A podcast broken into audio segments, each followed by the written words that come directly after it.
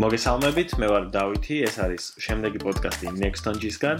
დღეს ჩვენი სტუმარი არის თორნიკე ანდრიაძე, რომელიც სულ მალე გაგვაცხობს საკუთარ თავს, თორნიკე გესმის ხო ჩვენი ხმა?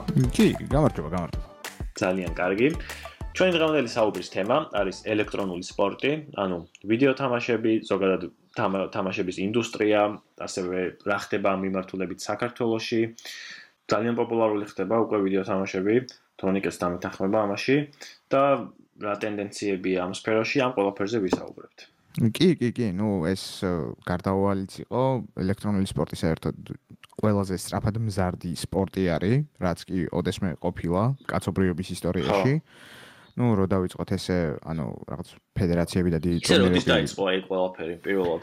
ანუ პირველად შეგვიძლია წავიდეთ ატარის პერიოდში, როდესაც ანჯერ პონგის თამაშის ტურნირები ჩატარდა 70-იანებში, მაგრამ ნუ ამას თუ არ ჩავთვლით, სერიოზულად რაღაცა 90-იანებში დაიწყო უფრო ეს არკადების ესე ვთქვათ კაბინეტების პოპულარიზაციით და ანუ არკადრუმების პოპულარიზაციის შედეგად და ანუ ადგილზე ადგილობრივი ტურნირები ტარდებოდა ხოლმე, ვთქვათ, ლოს-ანჯელესის ერთ-ერთ არკადრუმში ტარდებოდა თავისი ტურნირი, მერე შემდეგ სხვა ტურნირებში და მერე აქედან გამარჯვებულები ერთმანეთს ხვდებოდნენ ხოლმე რაღაცა ერთ დიდ ტურნირზე ხოლმე რა და ასე შემდეგ. მაგრამ ნუ ეს ეს იყო პირველი ნაბიჯები და ელექტრონული სპორტი, როგორც ჩვენ ვიცით დღესდღეობით, ეს არის უფრო 90-იანების ბოლოდან დაწყებული, როდესაც შემოვიდა უკვე თამაშები, როგორიცაა Counter Strike, Quake, Unreal Tournament, StarCraft, რა ვიცი, ანუ შემითხარი რომ არასწორი არის ისა, კიბერსპორტი, ხო?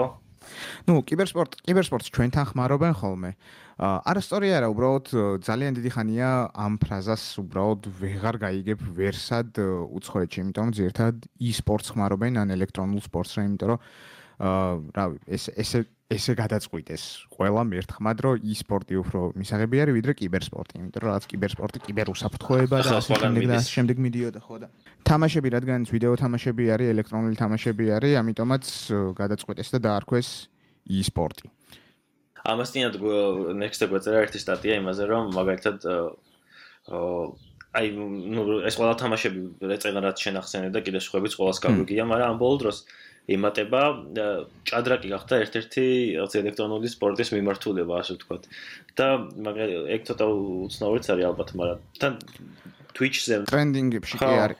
რაღაც თამაშებს ასწრებს ну ეს რავი ჭადრაკი თვითონ ფუნდამენტალურად ისეთი თამაშია რომელიც უფრო მეტად მოითხოვს გონებრივ შესაძლებლობას ვიდრე ფიზიკურს ხოლმე რა და დაახლოებით იგივე ტრენდი არის ნებისმიერ კომპიუტერულ თამაშში რა ანუ კი გჭირდება რაღაც დონის ფიზიკური მომზადება ну უფრო რეაქციები და შენი ჭადრაკი ძალიან ადვილია რომ გადაიტანო ამ ამ სამეცნიერში კი კი კი ან ჭადრაკი ფუნდამენტალურად შეიძლება შეიძლება ჩავთვალოთ რომ იყო e-sport-ი ისამდე სანამ e-sport-ი იარსებებდა რაღაცა ან ხო რა ეგეთი არის რომ უფრო აა ინტელექტუალური თამაში არის უფრო მეტად გჭირდება სტრაფი აზროვნება, სტრაფი გადაწყვეტილების მიღება, ვიდრე ფიზიკური ხო, ბევრი ანალოგია პრინციპში ამ სხვა თამაშებთან რა. კი, არა, აბსოლუტურად გეთანხმებიან იგივენაირადაა ჭადრაკის პრინციპებით კეთდება ხოლმე ძირთად RTS თამაშები რა, ანუ მოწინააღმდეგეები ერთმანეთს ერთმანეთის წინააღმდეგ რო თამაშობენ ხოლმე, თამაშობენ turn based თამაშებს მაგალითად რა, ანუ ჯერ ერთი მოწინააღმდეგე გააკეთებს თავის სულას, შემდეგ მეორე და ასე შემდეგ და ასე შემდეგ და მიდის ესე ხოლმე გადაბმულად და არის ეგეთი სტილის თამაშებიც, რაც ჭადრაკზე შეიძლება იყოს დაფუძნებული, ესე რომ ვთქვათ. შენ შენ როგორ ხარ თამაშებთან, რას თამაშობ თუ თამაშობ ახლა აქტიურად ან თუ ადრე თამაშობდი ან რა ჟანრი გიყვარს თუნდაც? ან ნუ ხო ჯერ ამაზე დავიწყოთ და მე სხვა რასაც გითხავ.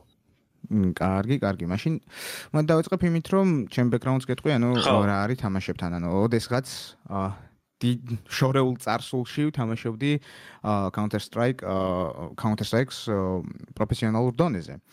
ანუ თამაშობდი რაღაც უცხოურ გუნდებში, იყო ალტერნატივ ატაქსი ყველაზე ისეთი გუნდი, ცნობილი გუნდი, რომ სადაც თამაშობდი 2009 იყო თუ არ ვცდები, პატარა ვიყავი მაშინ. აა ნუ მოკლედ მე ნუ Counter Strike აა Counter Strike-ის მე Dota-ში გადმოვედი, ახაც რაღაც ასე თუ ისე minor ანუ ადგილობრივ ტურნირებზე გქონდა ხოლმე ერთად წარმატებები, მაგრამ მეტი არაფერი, მაგრამ ნუ საერთო ჯამში დარჩა ის რომ ნუ ტურნირებზე გამოძლებას ვიღებდი ხოლმე, მოთამაშეებს ძალიან კარგად ვიცნობ, ყველგან, ყველას ესე რომ ვთქვათ, და ნუ პარალელურად კიდე ყოველთვის თამაშობდი ხოლმე სხვა რაღაც story based თამაშებს ხოლმე story driven თამაშებს და ნუ მიუხედავად იმისა, რომ მიყვარს ძალიან FPS ჟანრი, ჩემი საყვარელი თამაში მაინც შეიძლება ითქვას, ყველა დროის საყვარელი თამაში შეიძლება ითქვას, რომ არის Prince of Persia-ს ტრილოგია. აა თამაშები მაქვს, ყველა არა მე მგონი. აა ნუ Persia-ზე არის რამოდენიმე ვერსია, თან ძველი თუ გახსოვს, ჩემი პირველი თამაში იყო, რაც კომპიუტერზე ვითამაშე. სულ ძველი რომელსთან მე შეიძლება ერთად ვზლაპარაკოთ. აა რომელი და sprite based რო იყო, დასკანერებული ტიპები იყვნენ, მოკლედ, მასე იყო აწყობილი მთელი თამაში თეთრი ეცვა ხოლმე Persia-ს და side scroller თამაში იყო, პრინცესა უნდა გადაგერჩინა. აა ორი days რო იყო, თუ სხვა კი კი კი კი კი, ორი days. რო ვარდებოდი სადღაც და კი კი კი კი კი, ზუსტად ეგეც ჩემი პირველი თამაში, ანუ მეც პირველი ჩემი თამაში Prince of Persia ყოფილა. ხო, ანუ ერთ-ერთი პირველი თამაში იყო, ნუ თუ თუ გახსოვს ნეტა. ო, ეგ თამაში თუ არცები გამოვიდა 99-ში. ო, 99-ში? ხო. შენ რა თამაში? მე ვითამაში ალბათ 99-ში, იმიტომ რომ პირველად PC-სთან შეხება მქონდა მაშინ. მეც. აა, სადღაც 2019-2000-იანებში კი. ხო და ნუ პირველი თამაში საერთოდ Nintendo მქონდა, მაგრამ Nintendo რა, Nintendo-ს პატენტი, რუსული პატენტი, Dendy, რომელიც ყველას მქონდა, მე მგონი ოდესღაც. მე Sega მქონდა. აა ხო, ნუ Sega კიდე კაი, იმიტომ რომ Sega-ს ეგ ცოტა მე იყო უფრო, მე მგონი. ხო, Sega მეორე თაობის კონსოლი იყო, ესე რომ ვთქვათ. ნუ მეორე თაობის რა უბრალოდ.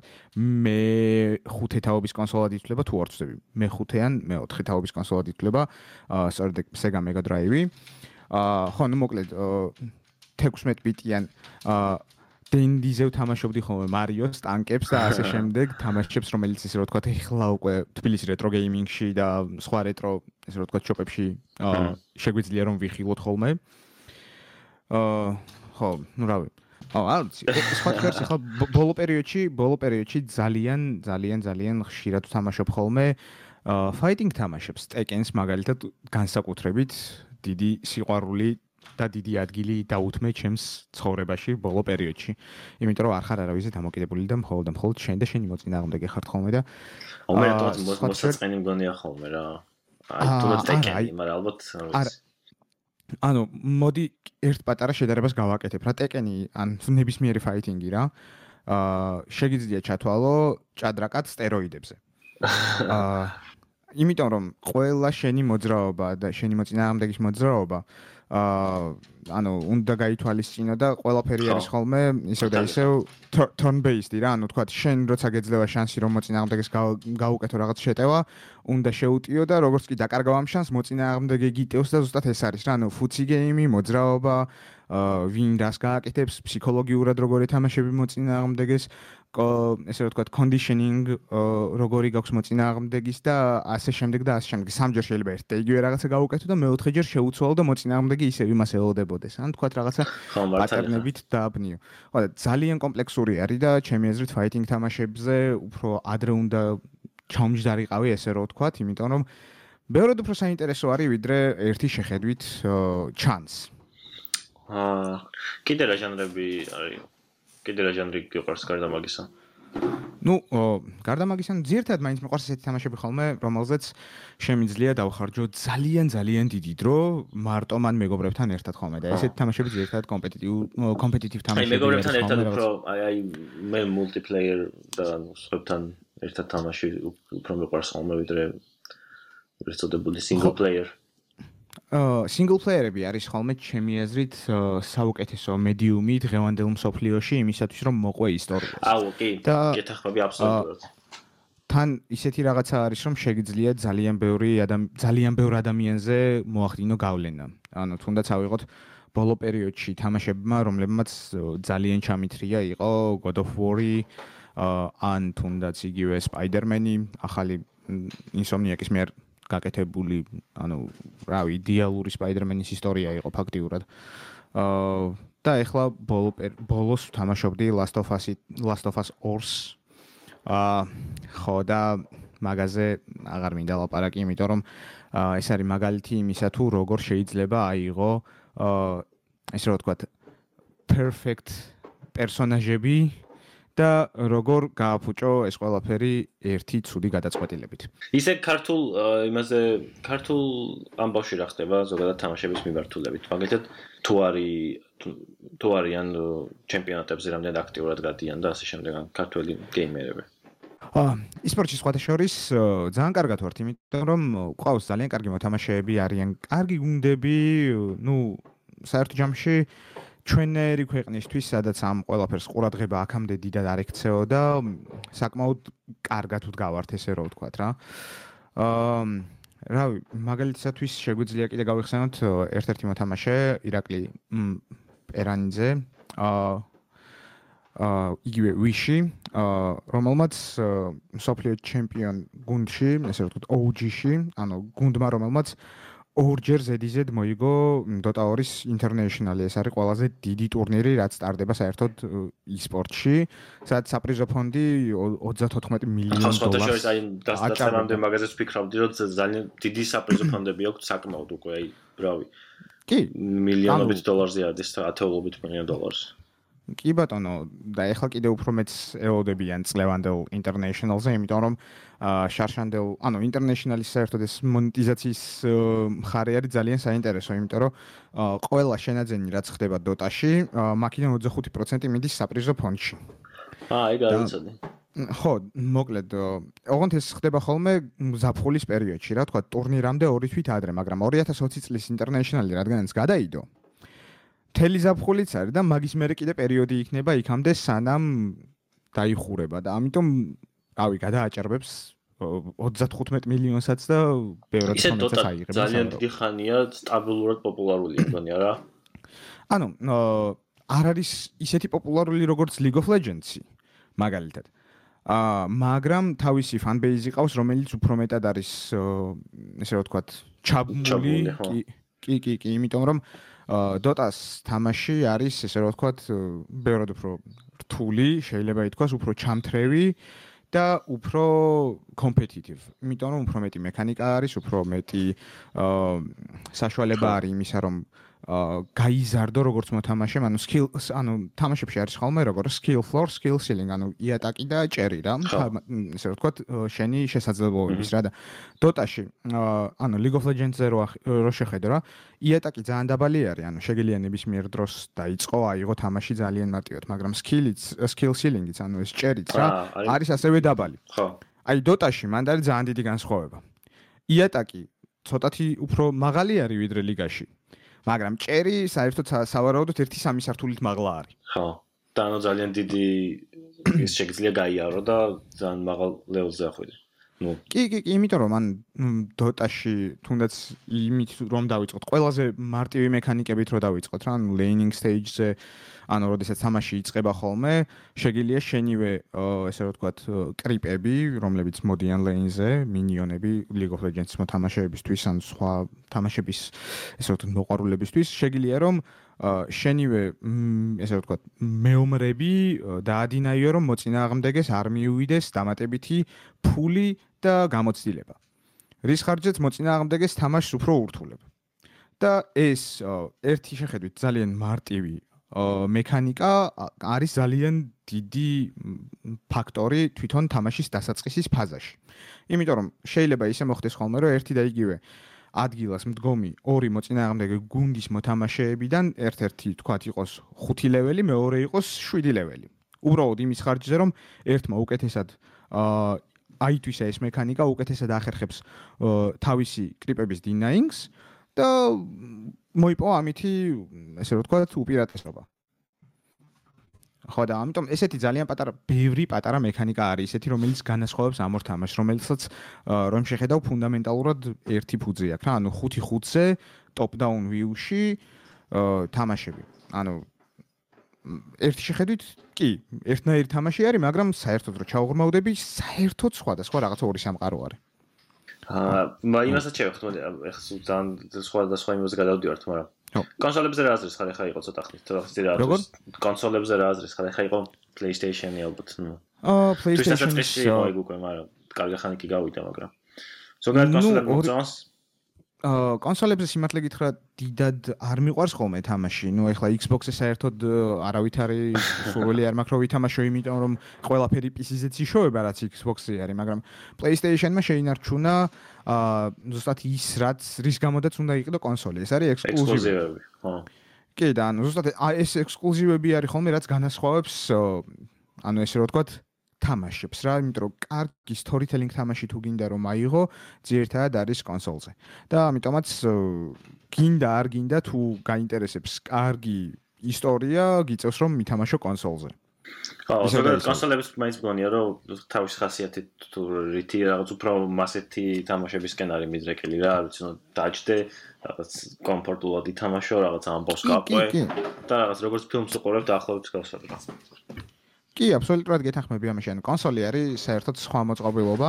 ანუ თამაში, სათამაშო მოწყობილობა არა, უფრო მეტად მულტიმედია არის და უფრო მეტად გასართობი არის რა. ანუ კომპეტიტივ კომპეტიტიურ მხარეს ცოტა უფრო ჩამორჩება რა, ესე რომ ვთქვათ რა. ხო, და ვისაც ეგ მხარე უფრო ურჩევნია თამაშების, მათთვის ჩვენიერია თან. კი, კი, კი. ბევრი უპირატესობა, რაღაც უპირატესობები აქვს რა. კი, იცი როგორ რაღაცა არის. აა კონსოლი არის მაგალითად კინო. ანუ, როდესაც მიდიხარ კინოში, დაჯდები დიდ ეკრანზე, ქსიამოვნებს და უყურებ რა და აა ის ისტორია რაც გინდა რომ ნახო რა და PC არის უფრო როგორი თამაშებისთვის იცი ჩემი აზრით რომ აი გარეთ რო გადიხარ და ფეხბურთს რო თამაშობთ კამანდა დაგიხართ რავი თავყბას ამტროთ ერთმანეთს აი ეგეთი არის უფრო ჩემი აზრით PC იმიტომ რომ ნუ PC-ზეც არის რა თქმა უნდა იგივენაირი თამაშები ისეთივე ისტორიით და ძალიან ძალიან კარგი სამყაროთი მაგრამ უფრო მეტად PC-ს გამოიყენება კომპეტიტიულ მხარეში ვიდრე სხვანაირად რა ესე ვთქვათ. აა მაგრამ ნუ კონსოლზე მაგალითად ანუ PC-ს PC-ს უპირატესობა კონსოლთან შედარებით ანუ არის ის რომ კლავიატურა და მაუსი გაქვს რაც ნიშნავს იმას რომ უფრო მეტი სიზუსტით შეგიძლია ითამაშო გარკვეული თამაშები მაგალითად FPS-ები FPS ჟანრი კონსოლზე ჩემთვის წარმოუდგენელია. ჩემთვის წარმოუდგენელია და ვერ ხვდები. თან მე მგონი ის ის აქვს ხო თავშთ ანუ aim assist-ია. aim assist-ია ხო და რავი ეგ ანუ და რაღაცა ფოფში უბურებს მე მომდე ყველაფერს. ხო ანუ საერთოდ ისეთი რაღაცაა რომ aim assist-ი skills აპუჭებს ჩემი აზრით. ხო რავი თავში რის გამოდაც არის ხოლმე რომ ხო ანუ რის გამოდაც არის ხოლმე რომ ძირითადად თამაშები რომლებიც არის FPS-ი ანუ ყველა თამაში ტურნირი ტარდება PC პლატფორმაზე და არა კონსოლზე. ნუ თუ არ ჩავთვლით Halo-ს, რომელიც ძალიან დიდი ხნის განმავლობაში იყო Xbox-ის ექსკლუზივი და Xbox-ზე თამაშობდნენ ხოლმე ტურნირებზეც კი და სხვათა შორის კი ძალიან მაგარ ესე რომ ვთქვათ play-ებს აკეთებდნენ მოთამაშეები, მაგრამ ნუ ახლოსაც ვერ მოვა PC-ის მოთამაშეების შესაძლებლობებთან ესე რომ ვთქვათ. ხო, ისე ამ ზოგადად ამ თამაშების პოპულარობის კიდევ ერთ-ერთი ფაქტორი ის არის, რომ ძალიან ძალიან დაიხვეწა თამაშები. აი Unreal Engine სახალი Unreal Engine-ის ის ნახე ხო ნახე. კი კი კი პრეზენტაცია. მე ძალიან ის ვიყავი მოხიბლული და შტაბეჭდილებებში, იმიტომ რომ ძალიან მომეწონა ვიზუალურად. შენ რას ფიქრობ? კი კი კი. ანუ ზუსტად არ ვიცი შეგხვდა თუ არა ჩემი პოსტი, როდესაც ეს პრეზენტაცია იყო, მაშინ დავაშეარე ზუსტად ეს ვიდეო და ვთქვი რომ Unreal just became real. იმიტომ რომ ანუ რეალურად რეალურ ცხოვრებასთან ძალიან უკვე ახლოს იქნება ეს ყველაფერი და ვინც არიცით Unreal Engine რა არის, ანუ ვიტყვით რომ ეს არის სათამაშო ძრავი და წინა იტერაცია, ანუ წინა იტერაცია უბრალოდ ეხლანდელი იტერაცია და არა მომავალში რომელიც პრეზენტაციაც გააკეთეს. ხო, ან ხო, ნუ Unreal Engine 4-ზე აა ალბათ გიქნებათ ნანახი ესეთი პატარა შოუ Mandalorian-ი. ანუ Mandaloreli. აა მანდ მთლიანად ყველაფერი რაცაა გადაღებული არის გადაღებული digital set-ზე, სადაც background-ები რეალური არ არის. ყველაფერი არის აწყობილი Unreal Engine-ში და კამერა ისე არის დარეგული, რომ როდესაც მოძრაობს, background-ი იცვლება მასთან ერთად. და ანუ ძალიან რთული არის რომ გაარჩიო ნამდვილისაგან. და ეს იყო ამ თაობის Unreal Engine-ზე. ეხლა ჩარტეთ უბრალოდ ეხლავე ჩარტეთ Mandalorian-ელი და პირველივე ეპიზოდის 90% ნახეთ თუ გინდათ რა არის. ანუ შეამჩნევთ თუ არა განსხვავებას რეალურ ცხოვრებასა და თვითონ ამ Unreal Engine-ის მიერ გაკეთებულ Unreal Engine-ში გაკეთებულ სამყაროს შორის. და კარგად არის ეს ოპტიმიზირებული როგორც მე მივხვდი მაშინ. ანუ თვითონ demo არ მახსოვს მე მგონი PlayStation-ზე იყო თუ არ ვიცი PlayStation-ზე იყო თუ არა მაგრამ demo კი demo PlayStation-ზე იყო. ხო და ანუ live-ში პირდაპირ ის იყო რა, წინასწარ დარენდერებული ის არ ყოფილა და ანუ ხო real time rendering-ი იყო. real time rendering-ი იყო. ну რენდერინგი არ სჭირდება, იმიტომ რომ თვითონ ისე არის ყველაფერი როგორც თამაში, ან თამაში როგორც არ არენდერებ არაფერს. ანუ ასეტები უკვე არის, ასეტები დგას და უყურებ პირდაპირ. ზუსტად იგივენაირად მუშაობდა მანდალორიანის სეტზეც ყველაფერი და აი სრული საგიღეთი იყო, იმიტომ რომ ეს როდესაც ვნახე, ყბა მქონდა ჩამოვარდნილი, იმიტომ რომ აღარ ჭირდებათ ხალხს ესე რომ თქვა green screen-ები და blue screen-ები იმისთვის რომ მიიღონ ისეთი გამოსახულებები, როგორიც უნდათ. ანუ უბრალოდ Unreal Engine-ზე აწყობილ სამყაროში ჩასვავენ ტიპს და მორჩა. ამ ამ გრაფიკაზე გამახსენდა Stadia, Google Stadia მე მგონი არ არ გამოდგა ხო დიდად წარმატებული. არ გამოდგა და არც გამოდგებოდა არასდროს მოდი ესე და თამაშები. თქვით თქვა თამაშების სტრიმინგი ანუ თამაში სადღაც მაგალითად ამ შემთხვევაში Google-ის კომპიუტერზე არის მიდის ასე თქვა და როგორც ვიდეოს უყურებ YouTube-ზე ისე მოდის გამოსახულება შენთან და შენ აქედან თამაშობ პრაქტიკულად. ხო მაგრამ მან არის ერთი ძალიან დიდი პრობლემა delay. კი. ანუ დაგვიანება. დაგვიანება ხო ხო, აი ზუსტად ეგ არის რის გამოდაც მე პირადად სტრიმინგ სერვისს არასდროს არ გამოვიყენებ, მაგრამ ყოფილა შემთხვევა რომ გამომიყენებია. ოღონდ იყო Stream Link-ი, Steam Link-ი უბრალოდ აა რომელიც აი რაღაც კატეგორიის თამაშებში ალბათ შეიძლება რომ გამოდგეს. ანუ კი კი კი აი ზუსტად ისეთ თამაშებში როგორც აა ლასტოფასი ხო ეგეთი თამაშები ხო ხო ანუ ისე ისეთ თამაშები უნდა იყოს სადაც არ გჭირდება დიდად რეაქციის დრო რა ან დიდი სისტრაფით რო არ გქონდეს სათამაშო რა ეხლა FPS თამაშს და კომპეტიტივ თამაშს ვერ ითამაშებ მან რა ან მან დაითამაშო ისეთი chill casual თამაში რა რომელშიც დიდად არ წყვეტს რა ნახევარი წამის ხო ნახევარი წამის დაგვიანება რა ამიტომაც ხო ეგაა პრობლემა რა რეალურად მაგ ტექნოლოგიის და თუ გინდა რომ ეგ ტექნოლოგია მუშაობდეს კარგად უნდა გქონდეს ისეთი ინტერნეტი რომელსაც არ აქვს დაგვიანება რომლისგანაც ну არც თუ ისე შორსავართ მაგრამ ჯერჯერობით არ გვაქვს ხო სტრიმზე ქართული სტრიმერები ყავს იმართლით რომ მე არ ვიცი აა ქართული სტრიმერი აი რეგულარულად რომ სტრიმავდნენ. კი კი კი ყავს თუნდაც იგივე Django, Pato, LC და თამაშებში არიან ზირთად ну როგორი რაღაცა არის იციან ზირთად თამაშობენ ხოლმე თამაშებს სადაც ესე რომ ვთქვათ, რომელიც სპონსორებს სპონსორშიპს აძლევს რა. და ეგეთი თამაში ახლა GTA 5 არის, ну GTA 5 თვითონ არის GTA 5-ის მულტიპლეიერის ერთ-ერთი სერვერი. ანუ Rockstar-ი ხო არა, საქართველოსში Rockstar-ი ჯერჯერობით არ შემოსულა ბაზარზე არავითარის სახით. ანუ უბრალოდ ერთ-ერთი სერვერის, ესე რომ ვთქვათ, ადმინისტრაცია ქირაობს ხოლმე ამ სტრიმერებს, რომ გასტრიმოს ხოლმე თვითონ ეს სერვერი, სადაც თამაშობენ ხოლმე და ნუ ამიტომაც ესე თამაშობენ ხოლმე. მაგრამ ნუ არის ხოლმე ისეთი შემთხვევა, როდესაც არიან სტრიმერები, რომლებიც იმ თამაშს სტრიმავენ, რომელიც უსწორდებათ, მაგალითად Alex Ray, მაგრამ მაყურებლის რაოდენობა აქ უფრო ნაკლები არის, იმიტომ რომ მაყურებელს არა აქვს ინტერესი დიდად ისეთი თამაშებისა, რომელიც აა ისეთ გამახსენებ გონიში გასტრიმული გქონდა გონის შენ რაღაც აა მე კი მე ანუ ადრე იყო ერთი პერიოდი Twitch-ზე, სადაც 200-დან 300 კაცამდე მიყურებდა ხოლმე, როდესაც Dota-ს თამაშობდი ხოლმე, მაგრამ ნუ ეს დრო უკვე ძალიან დიდი ხნის წინ იყო. 2014 15 წლებში აღარ ვარ მე უკვე. და დაჟე უფრო ადრე იყო მგონი ეს ყველაფერი.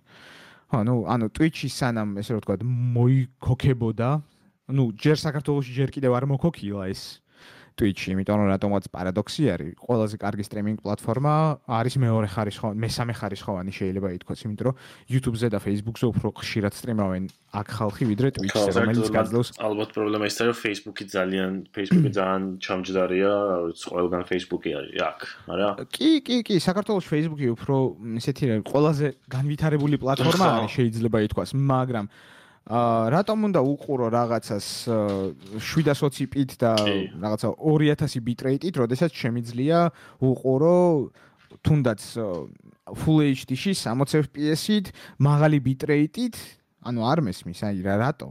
რატომ? კი არა, ეგრევე ეთყობა მეც რომ მინახავს Facebook-ზე და ისე ახლა Facebook gaming-ი კი აქვს და სხვათა შორის ამას წინ რამდენიმე დღის წინ mixer-ი თუ mixer-ი იმას ქნა არაფერი იყიდა მგონი თუ რაღაცა Facebook gaming-მა იყიდა აი მგონი როგორც მახსოვს კი ეგრე იყო მაგრამ ხო, ну, ყოველ შემთხვევაში, ну, ეს სტრიმინგ პლატფორმებზე ძალიან მეცინება ხოლმე, იმიტომ რომ აა, ну, Ninja ალბათ იცის ხალხმა ვინ სტრიმინგი კი არა და საერთოდ თამაშები. ეხო გადავიდა მან. აა, Mixer Mixer-ზე გადავიდა და მე 30 მილიონად რამდენადაც მახსოვს. აა ხო და მე მიქსერი რო დაიხურა, ეხლა Facebook Gaming-ზე გადმოსვლას თავაზობდნენ თვორცები Ninja-ს და Ninja-მ უარი განაცხადაო ჯერჯერობით. ხო, ნახოთ რა სიზავენ ისინი. ან საინტერესო არის თვითონ ეს თვითონ სტრიმერების ესე რო თქვა ამბები და სხვა შორის სტრიმერების გამახსენდა და Dr. Disrespect-ი, ანუ ესეთი სტრიმერი არის ერთ-ერთი აა უცებ Twitch-დან გაქრა საერთოდ ბანიადევს და ტიპი აღარ ჩანს არსად და არავით არის არც სტეიტმენტი გამოცხადებულა, არც ერთი მხრისგან, არც მეორე მხრისგან და ძალიან მაინტერესებს ამ სიტუაციაში რა ხდება და ვინმე თუ იცით, არის სადმე მომაწვდიეთ ხმა. ვა. მმ, ოკეი. MMORPG-ებზე რამე შეხედულება გაქვს, მოგწონს თუ აა MMORPG-ზე თამაშობდი მაგ ჟანრს უფრო მეტად. ანუ MMORPG-საც თამაშობდი ოდესღაც, ну, თამაშობდი ოდესღაც, რა თამაშობდი World of Warcraft, Burning, ხო, World of Warcraft-ი თავიდან vanilla რაც იყო, მე Burning Crusade და თავი დავანებე Lich King-ის გამოსვლასთან ერთად, იმიტომ რომ ბოლო კარგი ექსპანსია როგორც ამბობენ ხოლმე Lich King-ზე. არა. ხო, აა მე რაღაც პერიოდში მქონდა დაბრუნების მცდელობა, მაგრამ ნუ არ გამისწორდა და ერთთვის მე ისევე დავანებე თავი და გავაგრძელე ჩემთვის ცხოვრება ადამიანურ რეჟიმში და აღარ ვაგრაინდებდი 24/7-ზე თამაშს, რომელ რომელშიც დროს დიდად აღარ ჩავდებდი ესე რომ ვთქვა. აა მე MMORPG არის ცხოვრება. კი, გეთახმები. ან ცხოვრების სტილი არის ესე რომ ვთქვა, რა, ან თუ თამაშობ MMO-ს, უნდა იყოს ბოლომდე ჩაძირული, უნდა ქონდეს ძალიან ბევრი დრო იმისთვის რომ ითამაშო და უნდა იყოს ესე რომ ვთქვა dedicated player-ი, რომლებიც ყავს მაგალითად საქართველოში და MMO ისეთი თამაშია, რომ უბრალოდ სხვა თამაშების სხვა თამაშებისკენ უკვე აღარ გაგიშვებს რა, იმიტომ რომ ჩაგითრევს და აღარ გამოგიშვებს გარეთ. კი, აა და დრო არ ხდება პრაქტიკულად მაგის გამოც. ისე მაინც ეხლა მაგ ჟანრში მე მგონი ისე World of Warcraft-ი არის წამყვანი თამაში რა და სხვა შორის არ ვიცი, ველოდებდი რომ რამე ახალი გამოჩნდება ისეთი რაც მაგას აა იყვნენ კომპეტიტორები, მაგრამ ნუ დიდად ვერ გაუკაჩეს რა. ნუ აზიური MMO-ები არის ძირთად, რომელიც ჩანს ხოლმე უფრო მეტად. ჩვენთან ზუსტად ეგეთი რაღაცა იყო პოპულარული, თუ გახსოვს მუ ონლაინი ონლაინი მახსოვს და არასდროს არ მიყარდა ან ლინიჯორი რომელსაც ლაინეიჯორს ეძახიან ჩვენთან რატომაც ხო. ნუ ეგ ორი თამაში იყო რომელიც ესე რომ ვთქვათ კომპეტიტორად შეიძლებოდა რომ ჩაგვეთვალა საქართველოში მაგრამ ნუ სოფლიო მასშტაბით მაინც World of Warcraft-ი ისეთი არის რომელსაც უბრალოდ სხვა ვერ ვერანაირად ვერ გაუწევს კონკურენციას, რა იმიტომ რომ მაგით დაიწყო თვითონ ეს ჟანრი. მაგით დაიწყო. და სავარაუდოდ მაგითვე მოხდა. მაგითვე დამთავრდება. აა ისე ქართულ თამაშებში როგორ ვართ დავშოთ შენ ჩახედული ხარ როგორც ვიცი და იქნება თამაშები როგორ არის ხო 2013 წლიდან გვაქვს ესეთი ორგანიზაცია ვენატოსი რომელიც აკეთებ უწევდა ხოლმე პოპულარიზაციას საქართველოსში თამაშების ინდუსტრიას რა. და 2 წლის წინ 2018-ში ჩამოყალიბდა კიდევ ერთი ესეთი ორგანიზაცია Georgian Game Industry რომელიც პირიქით ანუ უკვე განა პოპულარიზაციას უწევს თვითონ თამაშების ინდუსტრიას. არამედ თვითონ თამაშების ინდუსტრიაში აა ინდუსტრიის გარეთ გატანასწილებს რა ანუ თავისი პატარა ბაბლის გარეთ გატანასწილებს რა. აა ხო და ხალხის მოზიდვას კიდევ ამ ინდუსტრიაში რომ ჩაერთოს რა.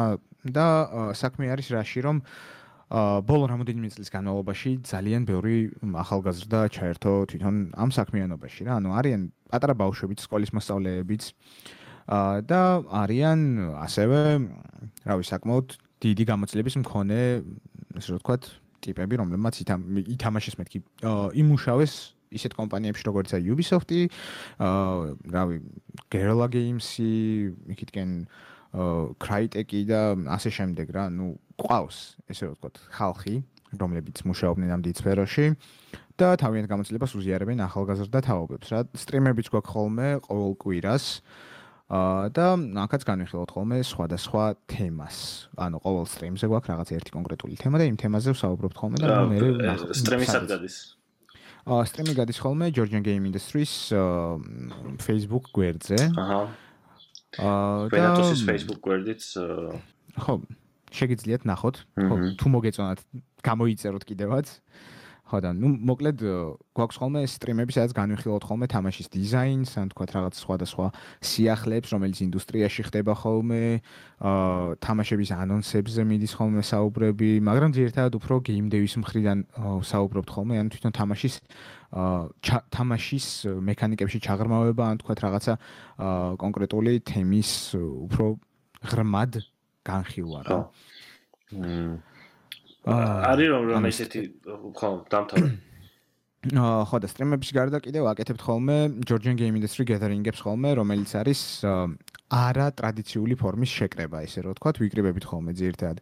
აა ბარებში ან რაღაც კაფეებში, ესეთ ადგილებში, სადაც რეალურად ანუ საქმიანი რამ აკეთდება და ძირთად ვაკეთებთ ხოლმე იმას, რომ ქართული თამაშების გამოფენა გვაქვს ხოლმე, networking event-ი, ოღონდ არა ფორმალურ არა ფორმალურ კუთხეში რა, ესე რომ ვთქვათ. აა საერთოდ შეუძლია ადამიანს მოვიდეს სამსახურის მერე თან გაიცნოს ახალი ხალხი, თან ისაუბროს რაღაცა ახალ თემებზე, თან ნახოს ახალი თამაშები და თან პარალელურად, რავი, ადგეს და დალიოს ლუდი და უბრალოდ განიჭვირთოს. ეხლა ალბათ ცოტა შეფერხებულია ამბების გამო რა. ნუ ხო ეს ამ ამბების გამო ცოტა შეფერხებული კი არ და ნუ ორი ორი გედერინგი ესე რომ თქვა ჩაგვივარდა მაგის გამო. ანუ სეზონურად ვაკეთებთ ხოლმე რა, ანუ ყოველ სამთვეში ერთხელ ვაკეთებთ ახალ გედერინგს, მაგრამ ნუ არც ეგ იქნება პრობლემა, როგორც კი მოგეცემა საშუალება კიდევ ერთ შეხვედრას გავაკეთებთ. და ნუ პლუს კიდევ ყოველწლიურად ვცდილობთ ხოლმე რომ ჩავატაროთ რაიმე დიდი კონვენცია ან ფესტივალი დიდ ხომ ჩვენი ქვეყნისთვის. და ნუ ბოლოს როდესაც ესეთი რამ ჩავატარეთ იყო შარშან წინ. ნუ შარშან ვერ გამოვიდა ფინანსური მხარის გამო და ნუ შარშან წინ როდესაც ჩავატარეთ, ყავდა ანუ უბრალოდ იყო თბილისი Digital Expo ესე ერქვა კონვენციას და ყავდა ევროპის 7 ქვეყნიდან 21 კომპანია ჩამოყვანილი, 30-მდე სპიკერი ყავდა, სადაც მასტერ-კლასები ჩაატარეს, ვორქშოპები იყო. და პლუს კიდე გამოფენილი ქონდა თავიანთი თამაშები და თამაშებში ანუ და ისეთი კომპანიები იყო როგორც Element Beats-ი აა CD Projekt-ის ძველი თანამშრომლები, რომლებიც Witcher-ის სერიის თამაშებზე იმუშავეს, ანუ game game director-ი ყავდა, მოკლედ პირველი Witcher-ის ჩამოყვანილი. აა და ნუ Cuphead-ის შემქმნელები ყავდა, Kingdom Come Deliverance-ის შემქმნელები ყავდა და ძალიან ძალიან ძალიან ეს წინა წელს ხო? აა ხო, ეს წინა წელს რაც გამოვიდა, წელს კიდე აა კორონას გამო ისე გადანაწილდა ანუ წელსაც მოპირებდი რომ ჩაგვეტარებინა მაგრამ კორონას გამო ისე გადანაწილდა რომ ჩვენი პარტნიორი ესე კონვენცია ტარდება იმ თარიღებზე როდესაც ჩვენ ვაპირებდით ჩატარებას და დაანონსებული არ ქონდა ჩვენ როდესაც მათ გადაიტანეს ამ თარიღებზე ამიტომაც გადავწყვეტეთ რომ წელსაც მიგვეცა ესე ვთქვა ხო. გასაგები ხო ნუ ისე დაინტერესებს აი თამ რა შენი აზრით რა ქართული თამაში უნდა ნახოს ან რაღაც გაიცნოს? აა გააჩნია რა პლატფორმაზე არიან. მაგალითად ეხლა აა კეთდება თამაში the way of the the way of wrath და თამაში იქნება top down ხო, ეგ ნახი მაქვს მაგ ვიდეო ის მაქვს ნახი. აა თამაში მუშაობენ ორი ადამიანი, დათო კიკნაველიძე და სანდრო გახოკიძე. აა და მოკლედ ანუ აი არა ნორმალური შრომა აქვს ჩადებული ამ ადამიანებს და ძალიან მალე იხილავთ ამ თამაშს Epic-ზე და Steam-ზე. აა ანუ მართლა ძალიან საინტერესო ისტორიაც არის და თვითონ პერსონაჟების ვიზუალიც ძალიან საინტერესო არის, ასე რომ ნახავთ ყველაფერს მალე. აა კიდევ გვაქვს ჩემი ესე ვთქვათ, საყვარელი პაზლი არის, სლაისი არის, აა გააკეთეს აბელიქსმა და ბატონმა ნუკრიჟვანიამ. აა და შეგიძლიათ ეს Steam-ზე ნახოთ, სულ რაღაც 1 დოლარი და არ დაიზაროთ. სლაის. გაჭრა. ოკეი. აა კარგი პაზლი არის, არ დაიზარდ და ნახეთ და VR-ებში თუ ხართ, ქართული ესე ვთქვათ, VR თამაშების ზენიტში არის VR Z. ესე ესე ქვია თამაში.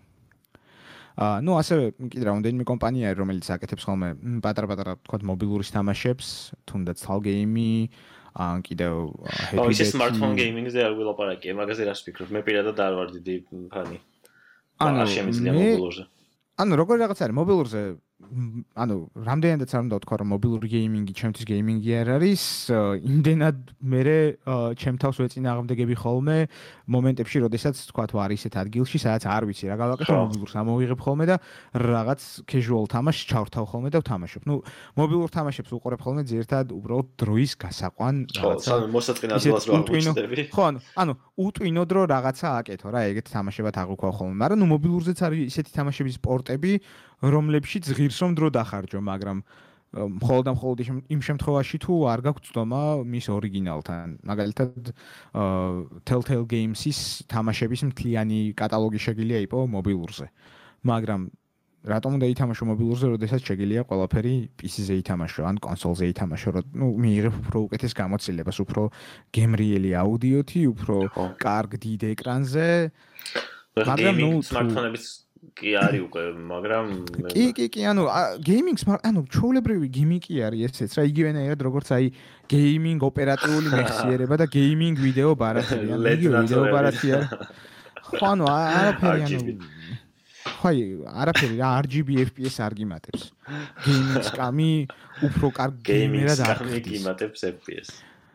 ხო, ანუ ეგ რაღაც არის. ერთ ერთადერთი რაც შემიძლია თქვა, რომ პერიფერია რაცაც გეიმინგი აწერია ხოლმე, ნუ ძირთად იმიტომ აწერია, რომ მარტივად იყოს იდენტიფიცირებული, ანუ მაგალითად არის გეიმინგ კლავიატურა, რომელიც ღირს 15 ლარი და არის გეიმინგ კლავიატურა, რომელიც ღირს ვთქვათ 500 ლარი. რა თქმა უნდა განსხვავება არის ამორს შორის. რა ერთი მექანიკური არის მეორე ჩოგლებრივი მემბრანული და მექანიკური კლავიატურა გაძლევს უპირატესობას მოწინააღმდეგესთან იმიტომ რომ თვითონ რეაქციის დრო უფრო სწრაფი არის და უფრო მეტ ღილაკზე შეგიძლია ერთდროულად დააჭირო ისე რომ კომპიუტერმა არ გააფრინოს.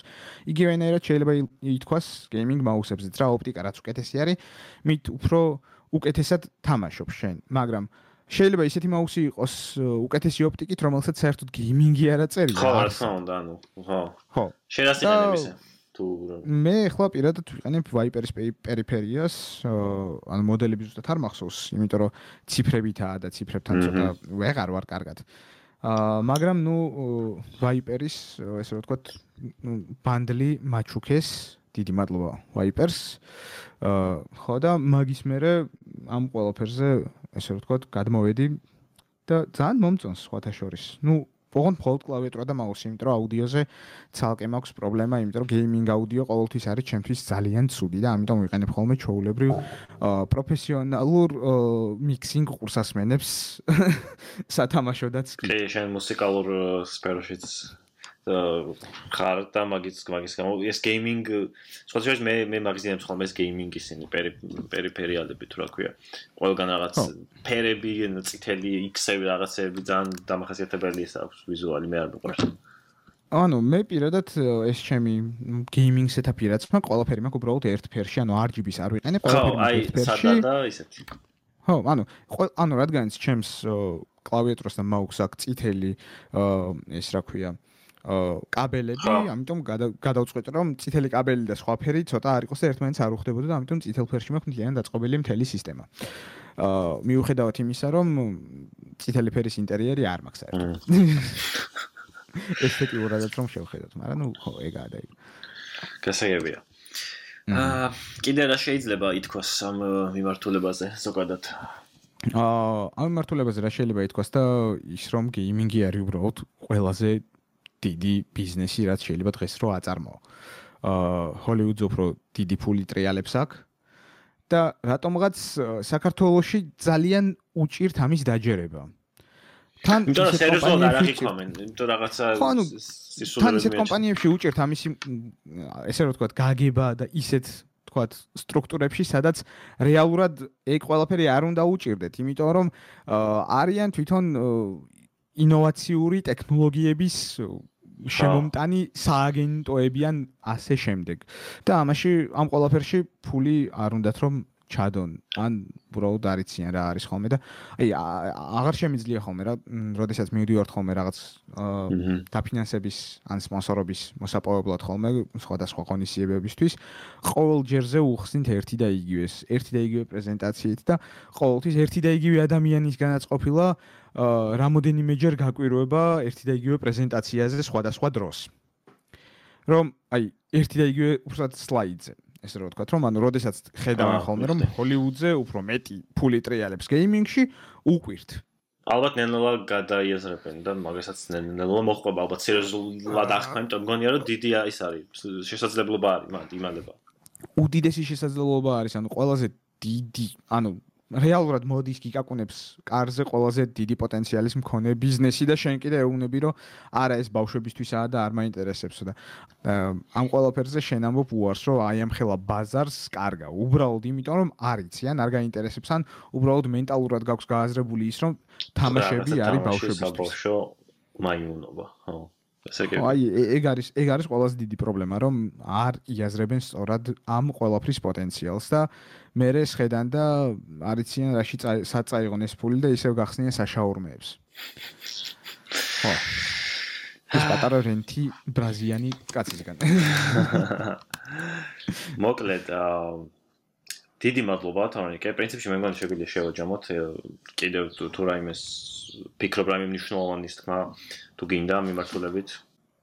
ნა შეჯამება შეგვიძლია, მაგრამ სანამ დამშვიდობებით კი არ და სანამ შევაჯამოთ, მანამდე ერთი რაღაცა უნდა ვთქვათ, რომ აა, რავი, ვისაც არ გითამაშიათ კომპიუტერული თამაშები, გიერჩევთ, რომ რავი, ყველაზე მარტივით მაინც დაიწყოთ და ითამაშოთ აი ესეთი თამაში, როგორიცაა Journey, იქნება და ჩაგითრიოთ, იმიტომ რომ არის ულამაზესი სამყარო, არის ულამაზესი აა მუსიკა, ყველანაირად ჩამთრევი პლატფორმერი არის და ისეთი მარტივი სათამაშო არის, რომ ნებისმიერი ითამაშებს, იქნება ეს რაღაც 3 წლის ბავშვი თუ იქნება 85 წლის ხანში შესული ადამიანი, ანუ არავით არის პრობლემა არ აქვს მექანიკურად ამ თამაშს. ძალიან დიდი სიამოვნება შეიძლება მიიღოთ თამაშებიდან და იმოგზაუროთ საერთო სხვა სამყაროში. ანუ როგორც ოდესღაც ციგნები იყო, როგორც ეხლა ფილმები არის, იგივე სიამოვნება შეგიძლიათ მიიღოთ თამაშებისგან, ოღონდ უკვე პირველ პირში. იმიტომ რომ თქვენ ხართ მოქმედი მთავარი მოქმედი პერსონაჟი ამ ყველაფერში და ამიტომაც ცადეთ. უბრალოდ ცადეთ, იქნება მოგეწონოთ. კი, მეც გეთახმები და ფიქრობ რომ კარგად ჩამოაყალიბე და და არასდროს შეხედულება აქვს პირველ ადამიანს და არ ვიცი, უბრალოდ ცადონ და შეიძლება კეთილი ქონდა მიხვდნენ რა არის. უცებ შეიძლება საერთოდ სხვა სამყარო გაიხსნათ, სხვა სამყარო აღმოაჩინონ, ასე რომ რატომაც არა. ხო, მადლობა თორნიკე, რომ იყავი ჩვენთან ერთად. საინტერესო იყო ამაზე საუბარი. პირიქით მადლობა იმისთვის რომ მომიწვიე. აა და კიდევ მომავალში ამ მიმართულებით დარწმუნებული ვარ, იქნება საინტერესო სიახლეები და შეგვიძლია სხვა დროსაც ვისაუბროთ სიამოვნებით და შეგვიძლია ასევე სხვა ადამიანებით დავიმატოთ და კიდევ უფრო საინტერესო პერსპექტივები ვნახოთ და ასე შემდეგ. რა თქმა უნდა, რა თქმა უნდა, ანუ ყოველთვის აა I'm always up for it. ესე ვიტყვი. ნებისმიერ დროს შეგიძლია შეომეხმიანოთ, იმიტომ რომ გეიმინგზე დახარჯული მაქვს იმდენი დრო, რომ უკან დასახევი გზა აღარც მაქვს. აქ ვარ თავიდან ბოლომდე. მოკლედ.